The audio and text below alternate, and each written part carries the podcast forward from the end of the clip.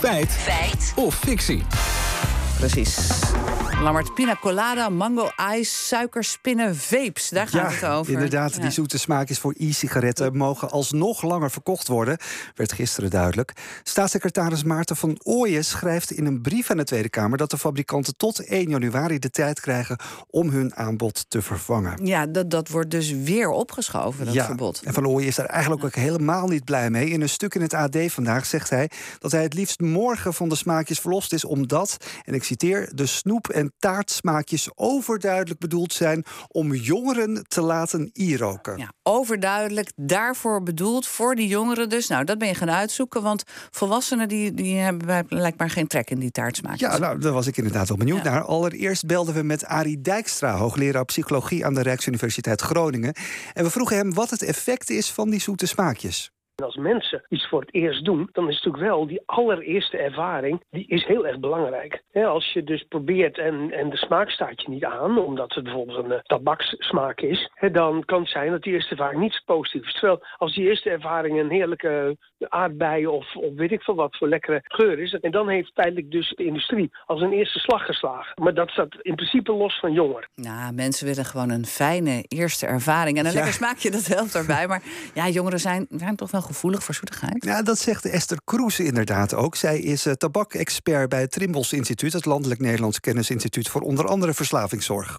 Uh, uit wetenschappelijk onderzoek is al gebleken dat jongeren juist zich aangetrokken voelen tot dit soort zoete en fruitachtige smaken. Dat is een soort snoepwinkel van de tabaksindustrie waarmee ze jongeren proberen te lokken naar tabaksproducten of rookwaren. En er worden ook namen aangekoppeld die heel erg in de belevingswereld van jongeren zitten. Uh, het gaat over pina colada smaak of over icy mango of het zijn geen smaken waarvan een uh, 50-jarige roker zegt van hè hè, nou dankzij suikerspinsmaak lukt het mij eindelijk om te stoppen met roken. Ja, maar dat laatste is volgens Gert-Jan van de Vape Experience Store niet helemaal waar.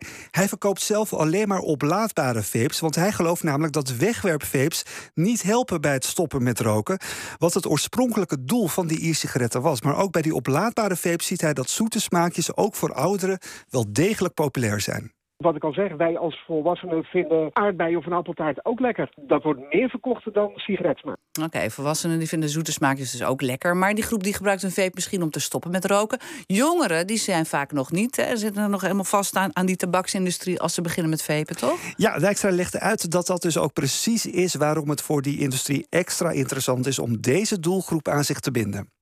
Die industrie zit natuurlijk verlegen om, om verkoop. Hè. Dat, dat is inherent aan het businessmodel. En dus je bent constant op zoek naar groepen. Liefst gro groepen die je lang kunt binden. Als je dan uh, bij jongeren begint, ja, dan kun je misschien wel een mooie carrière uh, daarin laten maken. En Gert-Jan bevestigt dat die wegwerpvapes, waar veel jongeren verslaafd aan raken, ongelooflijk winstgevend zijn. Ik denk dat wij de enige vape-winkel zijn die ze niet hebben in Nederland. Want als je de winstmarge ziet, dat is gigantisch. Ik ken zelfs uh, voorbeelden van groentewinkels die een schap hebben staan met disposable vapes. Nou ja, dan rijd ik maar een iets kleinere auto, maar ik slaap wel goed s'nachts. Oké, okay, de groentewinkel. Maar goed, dus uh, hoe meer jongeren gaan vapen, hoe meer wegwerpvapes er verkocht worden. En dus ja, uh, meer winst. Ja, de zoete smaakjes zijn voor zowel jongeren als volwassenen aantrekkelijk. Maar het is voor de tabaksindustrie veel winstgevender om die jongere doelgroep aan zich te binden. En jongeren zijn ook extra gevoelig voor deze zoetigheid. Je kan dus inderdaad zeggen dat de snoep- en taartsmaakjes inderdaad bedoeld zijn om jongeren aan de e-sigaret te krijgen. Dus het is een feit. Oké. Okay.